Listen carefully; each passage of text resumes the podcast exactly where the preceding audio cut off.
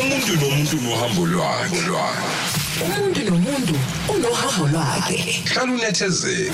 Ulalele nanti uhambo. Singena kulona uhambo kuyindumiso kanti ke njengoba sengitshela umlalo Khoze FM ukuthi ke namhlanje eh sihleli he bakithi sifuthi izinto zimana ukwenzeka.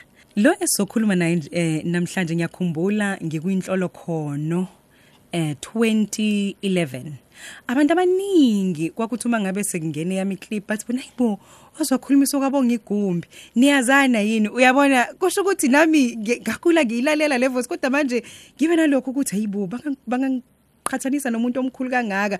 Kodwa ke namhlanje em the fact that ngizoba naye la emoyeni sizokhuluma uzongxoxela kabanzi ngempilo yakhe eh angazi ukuthi ngingachaza ngithini. Uyazi khona nje izinto oke ungazi ukuthi ziyoke zenzeke usaphila ucabanga ukuthi mhlawumbe uyozibona mangabe usubuyo kwesibili empilweni yesibili kodwa ke nakho kwenzeka namhlanje ngomhla ka12 Ziningi ke izinto ngiyazi ukuthi abaningi eh bayamazela kakhulu ezintweni ezakhayo bayamazela kakhulu ezintweni ezithinta imfundo bayamazela futhi kakhulu ngamagalelo namava akhe.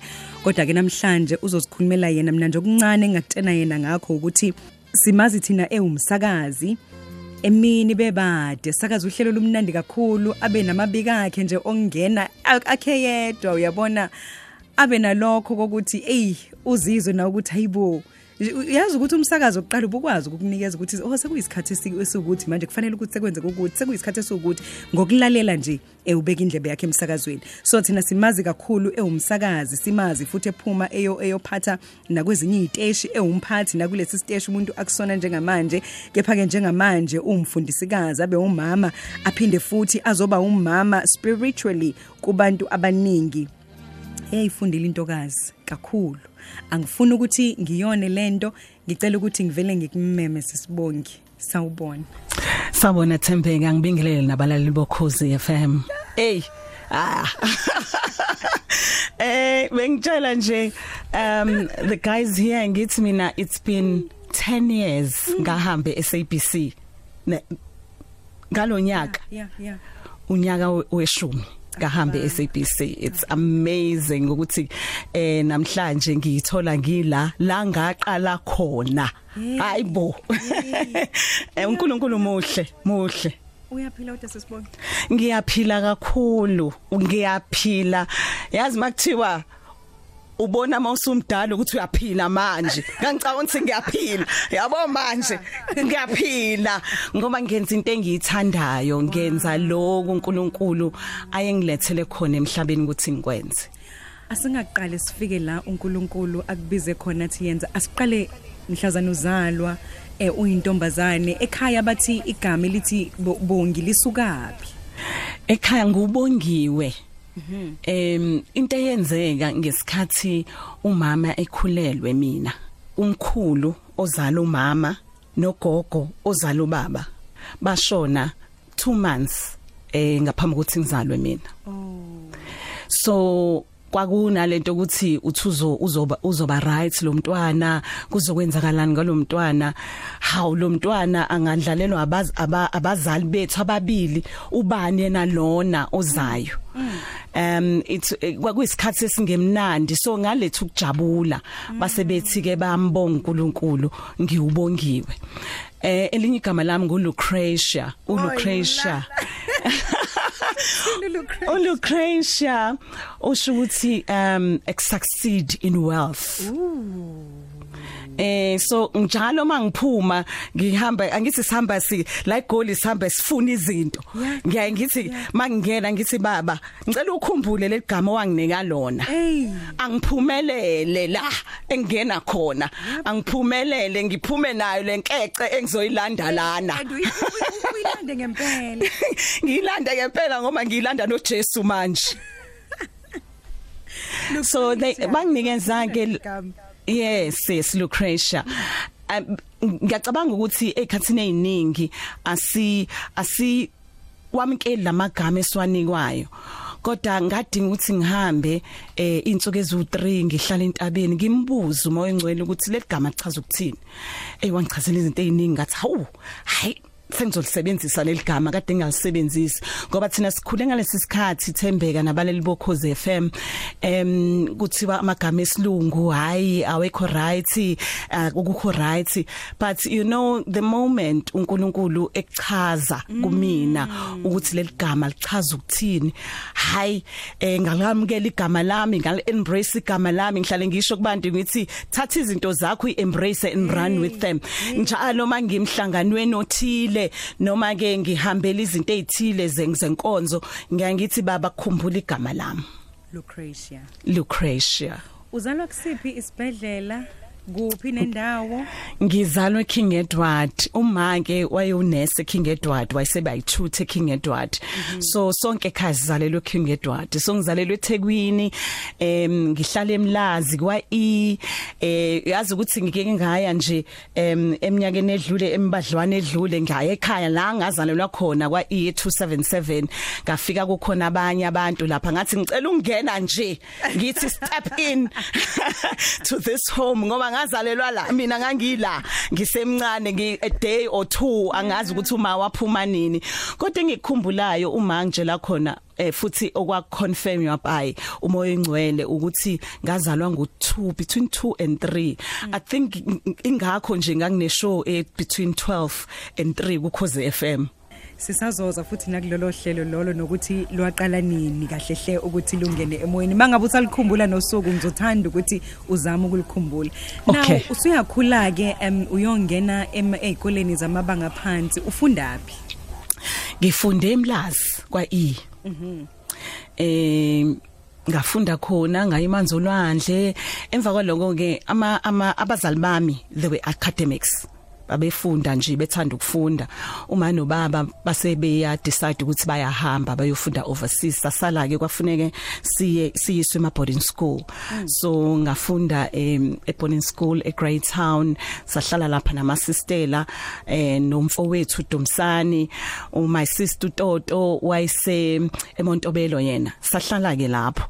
But uDomsani my brother wathi ngeke ngikwazi mina ukuhlala la kubanda khona kanje ngezwe ngamanzi abandayo. Ngeke ngikwazi so kwafuneke siphume ke esikoleni ngoba ngangeke ngisale ngedwa em wayesamncane kakhulu. Sahamba ke ngayofundisanda kahle kwa V emva kwaloko ke samuva ke ekhaya from eThekwini sayohlala empangeni. Empangeni sanjiswa yini na? Ngithe abazali bami they were academics. So uma wathola umsebenzi eUniversity of Zululand eh sahamba ke sayohlala khona. Sahlala ecampusini ngafunda ekha- kwakhandisa eh ekwadlangezwa ngase ngiyasuka futhi ngoba abazali bami babekholelwa kakhulu ezikoleni zaba za- zamaRoma. Ngahamba ke ngawufunda impumelelo emahlabathini ngasuka engangicocoma ke wethembeka. Ngangumcocoma nje. Kodwa into engenza ukuthi ngize ngicocome kangaka izikole i was a sickly child. Ngangigula ngine juvenile arthritis. Em so babe ngifaka e boarding school kufanele ngibuye futhi ngizohlala ekhaya the following year ngoba sengigule ngigule ama sister awasazi ukuthi azongenze njani. Ngigula ngigula ngigula bese kufanele ngibuyiselwe ekhaya futhi ngiyof- ngiyofunda ngasekhaya. So ngafunda empumelelo St Francis ngasuka empumelelo eh ngayofunda eMarine Hill St Francis. Ngithe ngise St Francis ngaba wese ukugula. Kwafuneke ngibuyele ekhaya ke ngikhathi ngisekhaya ngayithola sengifunda esikhawini edlamvuzo. Ila ngafunda khona ke umatikuletsheni edlamvuzo. Ngaqeda khona em ngangicabanga ukuthi ngizoba a dentist udokotela wamazinyo. Ay wathuma. Wena uqine kangaka? Ngoba udokotela wamazinyo. Wasethuma wasethuma akuhambe nje uyovakashela udokotela eh lo simsebenzisayo la ekhaya. Khona uzobona ukuthi uyayithanda yini lento ungahamba ke ngayohlala no Dr Oma wayesethekwini for a for a day. Ay ngaphuma lapha ngithi hayi ngeke. Hayi le ngeke singilungele. Amazinyo abantu hayi. Eh eh ngeke singilungele. Ngaphuma ke eh ngathi a um into yay interesting my first option was um ngangithi ngizoba udokotela wamazinyo. Eyesibili ngangibhalile ngithi ngizoba kwi media and ngaleso une list yezinto ofisa ngangine list ngangine list ezinto ezu3 ngangithe ngizoba udo izinto nje engahlangani futhi. Yazi izinto engahlangani.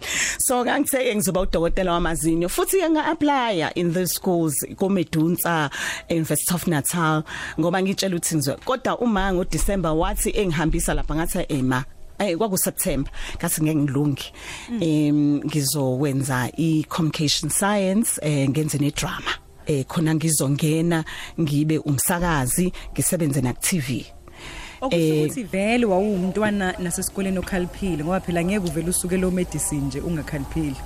Hayi maths ne science kwakuyizinto zami nkosiyami physical science ne ne, mathematics ibalo nje. Namanje yazi umuntu methi eh 15 t- plus 53 ngishaya ekhanda.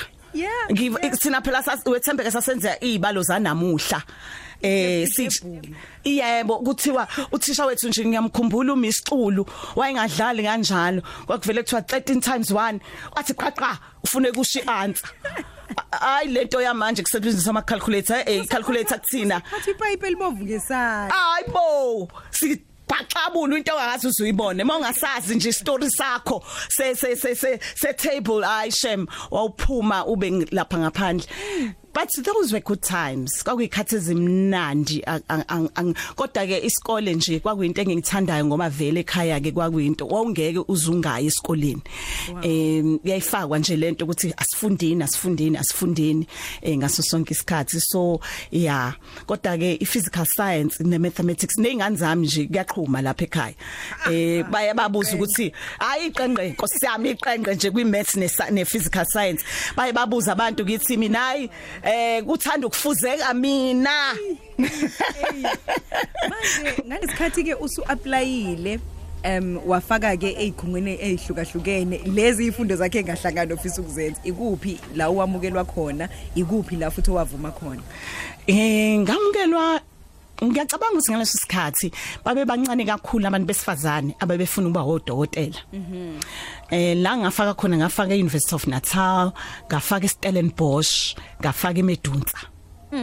eh bangamkela kuwe umathathu awu ngajabula ngathi hawu eh ngizokhetha eh lesi ngisithandayo kodwa ngangifuna ukuba ngapha kutshana nasekhaya ngoba eh, eh, aya.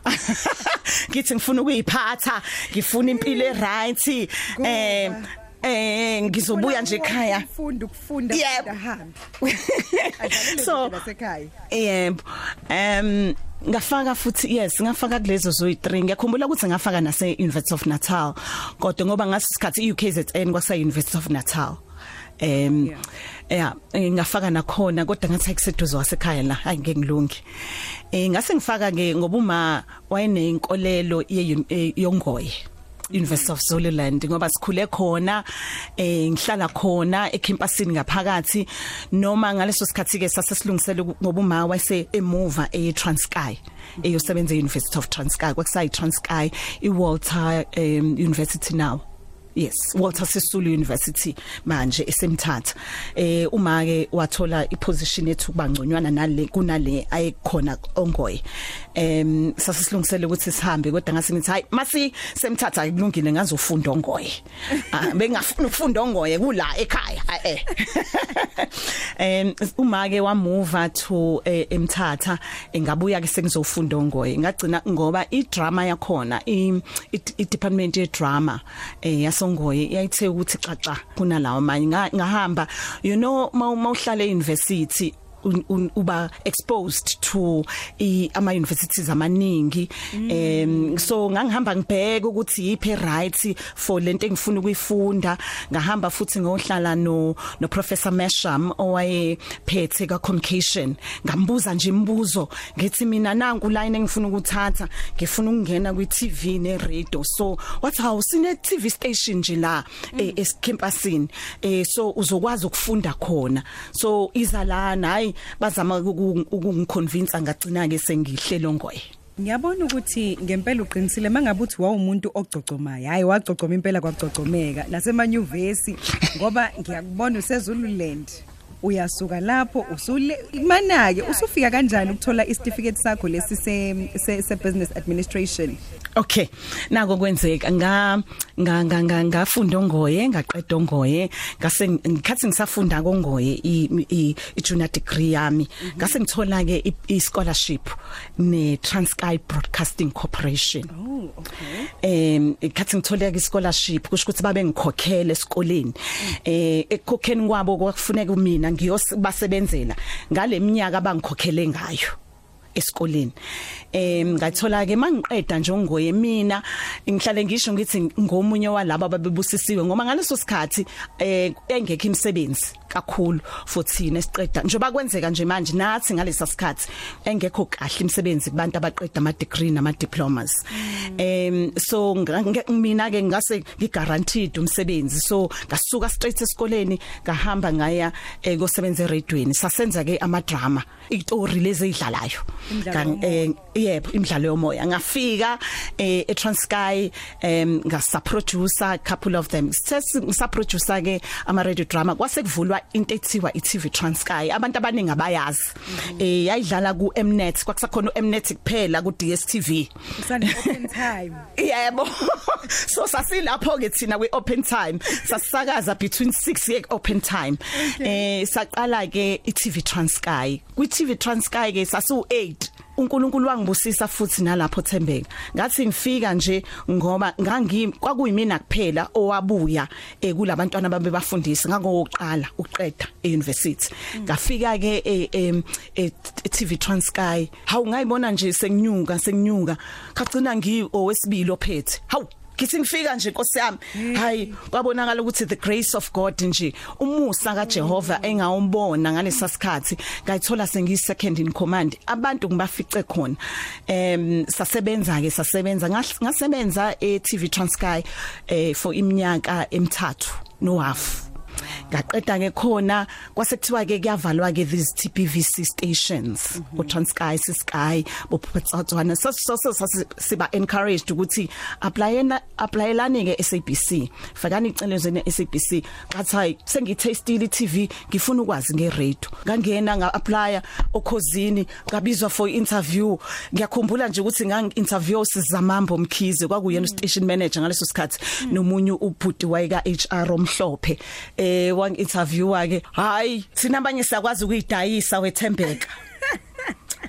Oku o- engangicabanga ukuthi kwakuyinkinga kubona ngoba istation engangikusona kusase sesingisi. Usuyabuya la uzokwazi ukusaba ukusakaza ngesizulu. Kade usebenza station sesilungu and futhi ku West ngoba uhlala nalabo abakhuluma lelo lunye ulimi lwase Eastern Cape uzokhona kanjani? Awu ngathi awungifake e-studio kancane we- we- wesizamampo ubone ukuthi ngizokwazi yini ukusikhuluma. Kodwa ke nga- ngabona ukuthi hey ya kufanele ngisifunde isizulu. Eh ngihamba ke yazi ngaso isikhathi kwakusakhona ilanga kuphela. Ngangilithenga newspaper ngiyifunde ngiyifunde. Khona ngizoyijwayeza ngoba kwakuthi itshobe lamagama esilungu. Ngoba umuntu wayicabanga ngesilungu bese eya translate eh uhumushe kwisizulu. Eh kuthi itshobe kuthi itshobe eh ngabona ukuthi eh angisifunde. Ngathenga nenqolobane. ngifuna ukushaya lamagama ngithi qums sonke emoyeni. Siyalapha. ngithi qums emoyeni. Khona bezothi abalaleli hayi kufika abanye. Eh ya ngasebenza kamnandi ngaqala ke saqala ngiyakhumbula nje ukuthi ngafika kukhona uzanele mbukazi babemqashe ngoJune mina ngaqala ngoJuly 1995 ngiyazi khona abangilalele bathi uh waqala ukusebenza ngo1995 okhosini. Yebo nalo omi lapha ohleli la eduze kwami uyangibuka ukuthi hawu lo mama. manqobo angazi noma usuzelwe yini ngaleso sikhathi kodwa ke ngaqala ukusebenza okhosini July um ngiyakhumbula ukuthi ngaqala ngomhla ka 3 July ngoba umhla ka 1 kwakuyi Saturday mhla ka 2 kwakuyi Sunday mhla ka 3 ke ngangena lapha eSABC eThekwini ngaqala emva kwami ke kwaseqashwa uThokozani Mamkhize Ndlovu. Waqala yena ngoAugust. So salandelana. Kwakuzanele embukazi kube yimina eh kube uThokozani hayi saba ischeme nkosami sobathathu. Kwa- kwakusawu radio Zulu. Kwasawu Radio Zulu ngaleso sikhathi. Safika kamnandi thina eh ku Radio Zulu ukhozi la launch sesikhona Nkosi yami. Yo mlayini ukhoze FM mangabe usanda kusijoyina lapho ekhaya sihleli nobongi Gombi uBG uzomkhumbula impela ke umsakazo njengoba echaza ukuthi kwakusawusabizwa kwakuse umsakazo wesiZulu ku Radio Zulu kungakabi ukhozi FM kodwa ke mangabe sibuya naye ngizothanda ukuthi mangabe sibuya ke sesingena ke manje usuqala ke la ekhaya ngoba ngiyeza ukuthi nakhona eh wafike wangahlala impela endaweni eyodwa kodwa wakhuthala ekutheni ufunde nakwezinye izinto ingakhe nje wagcina uyithola usumphathi. Angingedwa namhlanje ukhona ubongi Gombi uBG esimaze kakhulu eh ku Radio Zulu. Siyamazi futhi sengena sekuba ukhozi FM sisibongi ake sibuye ngoba ngiyafisa ukuthi siphinde sibheke nama voice note abalaleli nawo maningi kakhulu. Nginenye futhi i voice note eyi surprise engikuphathele yona. Wow. So nakho usuyafika kokhozi nayo usuyivezile ukuthi uyakwazi ukusakaza. Uma ngabe ungena uyifica environment injani? Okay ngaphambi ukuthi ngi- ngiphendule umbuzo wakho umngani wami la uzama uShongwe sas- sasisebenza naye ku campus 6 isasongoye uthi engangikhohlwa mngani wami ngimemeze nje Sengikumemezile ngezama Okay. Hlobo wami lo sasisebenza naye lapha ecampus 6 sihlanganisa singakasazi istory sethu em yeah ngiya- ngiya- ngi- ngiyabingelela eh na unkosikazi wakho. Ngiyanithanda kakhulu. Eh angibuyeke sifike thina kuthiwa kushintsha umsakazo. Eh mhlamba acknowledge futhi ukuthi sasizwa ukufikeni kwethu sobathathu engibabalile sasizwa ukuba khona kwaleli D kuleli D wayifike no VICKY uVicky Masuku. Yeah. eh basisiza kakhulu bas embrace you know ngoba sasifika singazi kahle. Ngomsaka kwangekho ma community radio station ngaleso sikhathi. Kusho ukuthi sasingakwazi ukuthi sigroom thina. Sithi masifika emsakazweni hayi sesiyakwazi ukusakaza. Saqala khona nje la ukhosini. Kumnandi ukufunda ngesikhondla khondla ukhozi FM eh sathina sangena estation esasisikhule Africa. Eh sizoqala. Kodwa sathola kukhona lokho ngoba phela yazi ukuthi mawufika endaweni la kade kukhona khona abantu besilisa kakhulu. Seniyafika ke naqashwa nina. Hawu qashwa lo kulenyanga hawu khona umunye futhi. Babona Eh, hayibo bayanda labantu. yebo yebo. Hawu bathi hawu nangu umamkhize usizamambo eqasha elanda laba abafana naye. Kodwa kwase kuyisikhathi ngoba eh kwakhulunywa indaba yo ye women empowerment ngaleso sikhathi eh la ezweni lethu South Africa em ama industry amaningi ayeshintsha.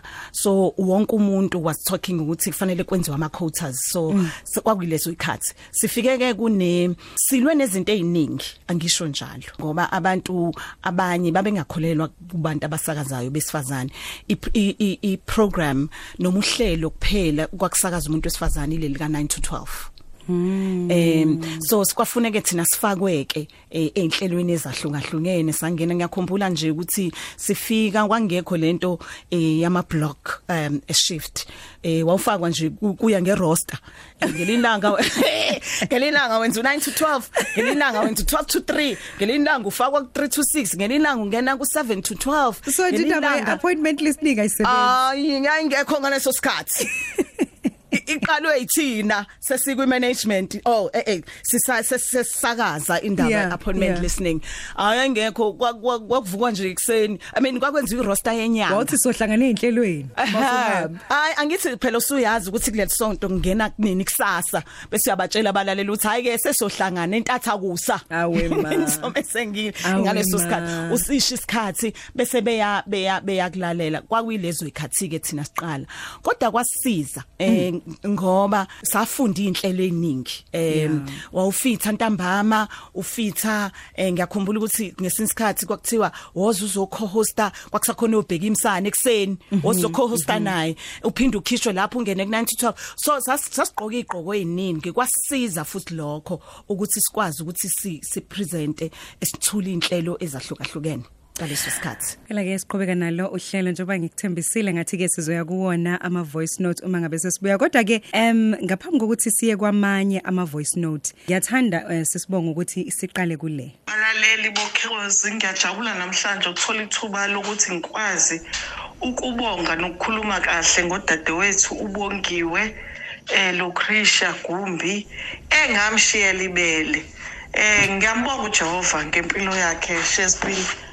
Eh umuntu onothando empilweni yami siyasibambene ey'khathini ezinzima. Kukuhle kukubi udade onomusa onothando isikhathi zonke ngibonga ujehova nje ukuhlenga impilo yakhe ngoba ngiyakhumbula eneminyaka ewu-12 wake wagula. Eh I, I remember sasathandaza nje impela ekhaya ukuthi uNkulunkulu akasize. Eh wazogcotshwa umgcobo wokugcina kodwa ngomusa nangothando lwaJehova usaphilile namhlanje. Siyambonga nje uJehova ngomusa nangothando osipha lona sisi may god bless you. May god increase you each day. May god eh, sisi akwenzele umusa u- ukhule uze ubone izinyoni zabantwana bakho. Siyambonga uJehova impilo yakho. Thank you so much for this opportunity. Wow. Umyalezo loyo osuka kudade wenu usisithokozane wow. Wow. So lokho akhuluma ngakho usana 12 years ikona lokho obu- obukubalula ukuthi wakhula uyingane egulayo vele? Yeah kodwa lokhu ka 12 years Thembeka ngangikwikhoma for 10 days. Yo. Ngaba Kwakwenze kwikhoma njani? akwaziwa. Awu. em ngaba nje kwikhoma kwa 10 days ubaba umkhulu uBK Dludla em uyena oweza wazongcoba umgcobo ogcina eh ngoba babecabanga ukuthi ngiyahamba. Em umama nje wayethi ayi eh as as asivele futhi mangiphapheme eh kuthiwa khathi ngiphaphama kuthi khathi ngaphaphama ngaso engathi angithi mina mangizoshona Awu, kuthiwa ngaphinde ngabuyela futhi kwikhoma. Em so kwase kwasencanyiwe wafika kumkhulu uBK Dludla wafike wangikhulekela. Uyena wangikhulekela wayesethi uNkulunkulu uma lo ephila lo uzoba incekukazi yakho. So why declare lonto ngina 12 we eh kusho ukuthi bengeke ngikubalekele vele noma bengithanda. Amandla lokho kobizwa yebo lokho kubizwa ngoba kwakhulekelwa eh kwashiwo ngina 12 hayi emva kwaloko ngingazama ukubaleka kodwa hayi kwangeke uze kulunge ngoba uNkulunkulu menze isinqumo noma wena mawuvumelane naye nenze sivumelwano naye. Sofuneka nawe you honor your side. Of that treaty. So u- u- u- uqala nini ukulandela le le calling? Ngoba ngiyakukhumbula mina umsakazi la ekhaya waba u-executive producer em siyakukhumbula futhi usulapha yaku radio 2000 ngicabanga ukuthi wafika waba u-programs manager khona. Em kukaningi sikubona uphethe em i- emikhakheni yahlukahlukene khona la kuyi-media so umuntu akakaze azakucabangi ngelinye ilanga uyincekukazi umile phambi kwebandla. Ufika nini lo muzwa? Em nanoku ngoba ngiyazi ukuthi i-calling ngeke kube yinto lokhu kubiza kubiza kubiza unqaba unqaba unqaba. Up until kuze kufike ilanga la ethi khona ke namhlanje ngibhekene nawe ngqo emehlweni. Angisho ukuthi ukhozi lungisize kakhulu khozi FM. Ngiyakhumbula nje ukuthi njengoba ade ngisho sasihamba isifakwa eh kwase kwanqunywa ukuthi eh abantu ababili kufuneke benze uhlelo oluthile. Eh nganikezwa ke u9 to 12 esawenza no Lady D mina ngangena uMandithu kulesithathu uLady D athathu ulesine ngolesihlanu.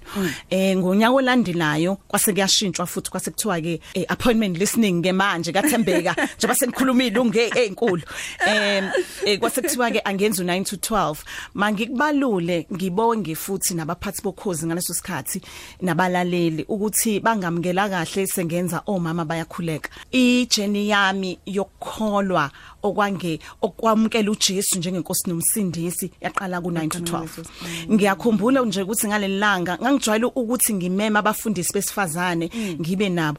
Ngalelanga akufikanga umuntu kwafuneka ukuthi kube yimina engifundizwi em nga- ngase ngenza ialtar call emoyeni. Nga- ngenza ialtar call hayi ngenza iprayer le e- elida abantu kuJesu. Em bakhetha uJesu abantu emoyeni. Ngase ngiyavala eh ngavala ngahamba. Ngithe mangifika endlini ebusuku eh sengilele umoya ngcolo wangivusa. Wathi ulide abantu abangaki namhlanje. Ngathi ayo ngazi baba. Wathi bawu 17 ha. And ngifuna ukuthi bongi ukubuza ukuthi uyangazini wena. Ngathi oh baba mina bengikwisunday school bengilidi youth esontweni wathi angikubuzanga konke lokho. Ngikubuza ukuthi uyangazi yini wakwamkhetha yini uJesu njengenkosi nomsindisi? Ngamkhetha ngingedwa. Ekamereni lami ngingedwa ngoba ngangihlala ngedwa eflatini eh ngamkhetha uJesu impilo yami yashintsha thembeka. Yashintsha eh, nabalali bokhozi yashintsha ngenye indlela. Ngisaqhubeka saqala nomama ngakhetha icommittee yomama ababe u7 kwakhona umama Ntanzi nabanye sebehamba emhlabeni eh, ngabahlanganisa labo mama. Ngayimbandakanya nabo saqala sakhuleka sahamba indawo ngeindawo eh, every month sasiya edolobheni elithile sifike sithandaze eh, nalabo mama ngemgqibelo aba omama bokhosi sasihlangana ke nomama endaweni ezahlukahlukene. Ngiyakhumbula nje ukuthi ngigcina ukuhlanganisa iprayer meeting sase Emelo and 3000 women ababekhona kulo prayer yokhozi FM sihlanganisa ke omama. Kodwa ngingakhula lapha enkosini ngiyacabanga ukuthi uNkulunkulu ke wayiqala ijeni yami yok- yokuhamba naye ngaleso sikhathi. Sa- ngakhula ke kodwa e- engakuthanda kakhulu uNkulunkulu ibusiso zakhe zazingaphezulu kwami koqonda. Ngoba ngithe ngisaqhubeka nje nohlelo leli bayakhuleka omama ngathola ischolarship ngahamba ngaye India ngakhethwa ngedwa la eSouth Africa. Eh kwakuyi i- i- uhlelo lweUN ngahamba ngayofunda e- eIndia ukhozi I mean ukhozi neSABC bangivumela ngafunda ngagogoda ngabuya ngazoqhubeka. Khathi ngise India ngangisebenza kukhozi ngifeed ama news eh ngifeed na kwi TV ngabuya ngaqhubeka futhi nokhozi. Eh ngithe mangibuya ke ngase ngiyashintshwa ngangena ku 12 to 3 ngeza ke la eGoli. Eh sazo ngazosebenza la eGoli salikhulisa ke office lasegoli. Ngagcina ke sengiwo omunye wabaphathi la eGoli eh i-team enganginayo ayisasivutha phe. Eh ngaqala noSibu. Ngagcina senginom eh ngagcina senginosqemeza nomroza. Hayi sasivutha kwakwaziwa nje ukuthi iGoli malehla liyeThekwini hayi sasihamba sodwa. Eh ngase ngakhathi ke silungise kulungiselelwa iWorld Cup ka2010 sengizoshesha ngoba ngesibona isikhathi. Eh ngase ngiyamove ke ngayiswa eRadio 2000 angizange ngize ngiapply angifuni i- ama blessings nje okuhlala kuJesu. Angizange ngize ngiapply bakulocate abakukhomba bathi lo bathi nangu ngabizwa uhead of radio. Wathi wena ngane awuhambi e2000 ngathi awu ngiyabonga baba. Ama blessings nje ukuhlala nawe. Ngahamba ke ngawusebenza eRadio 2000 sayihlanganisa ke World Cup eh ngoba iRadio 2000 was eh, i stage lesi esasikhethiwe ukuthi isone songamela i i World- i World Cup la SABC so sasifidela zonke ezinye iteshi eh ngahlala ke 2000 hayi kuthe ngo2012 wathi umoya ongcwele qoqa phuma SABC sengikubizela ngaphandle. Ngacabanga ukuthi ngiyibusinessini uyazi masishayela phezulu masihamba la SABC sishayela phezulu phela sasesiphethe Thembeka. Shama hili sinama office amakhulu sino PA eh kukhona konke. And you and bese ucabanga bese uthi umoya ongcwele hayi sekuyisikhathi r- khumbula phela nguthi una 12 Hambo- hambo senzi- uyohola izinto. yebo yebo. ngaphuma ke ngahamba ngayo trainer. Eh ngatrainwa kwi prophetic school ngase ngaphuma ke ngaqala umsebenzi kaNkuluNkulu. Eh sivule Africa for Jesus ngo 2017 sisamile namanje. Bayasho nje abazalwane ukuthi umfundisi kwenze njani? Bangibone ngiphuma nisi eh eh, ngakhapha ngaphelezelwa ngiphuma.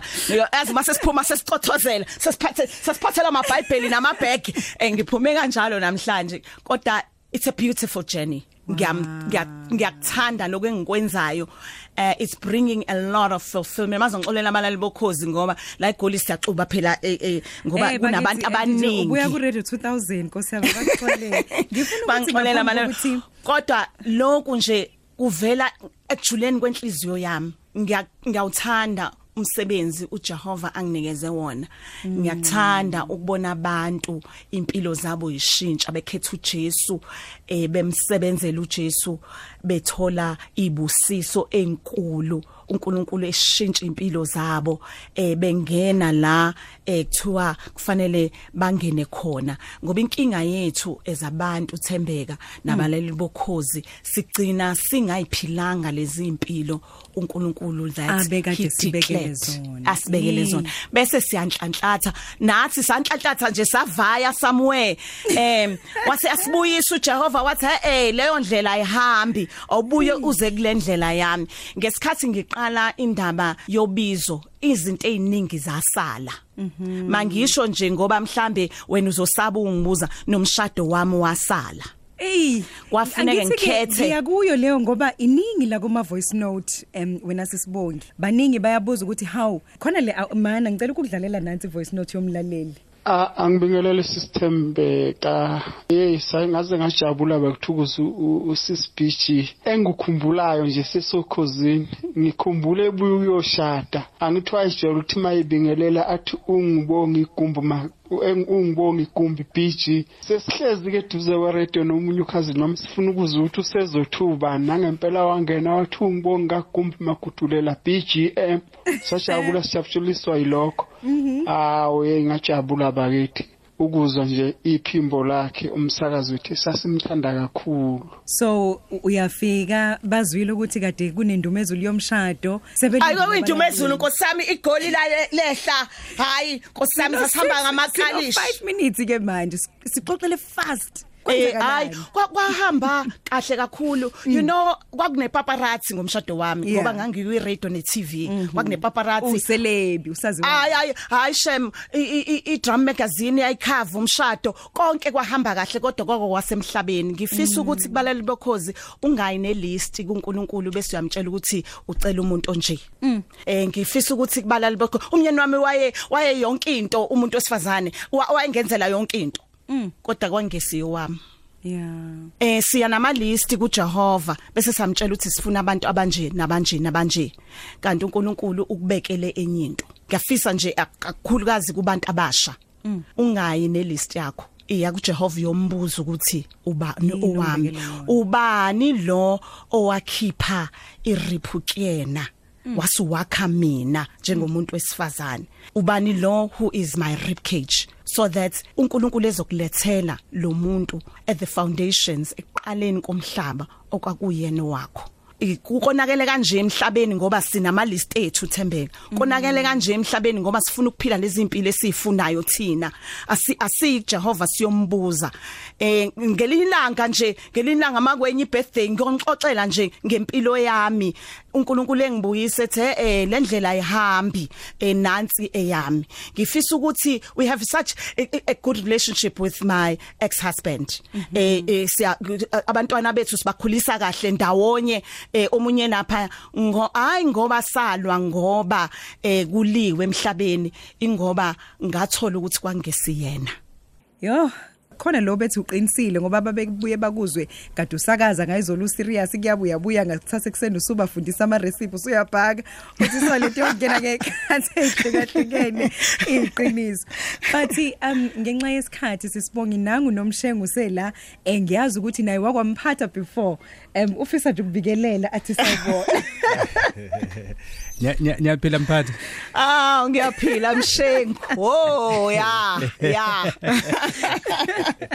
No no no si- si- siyabonga kakhulu.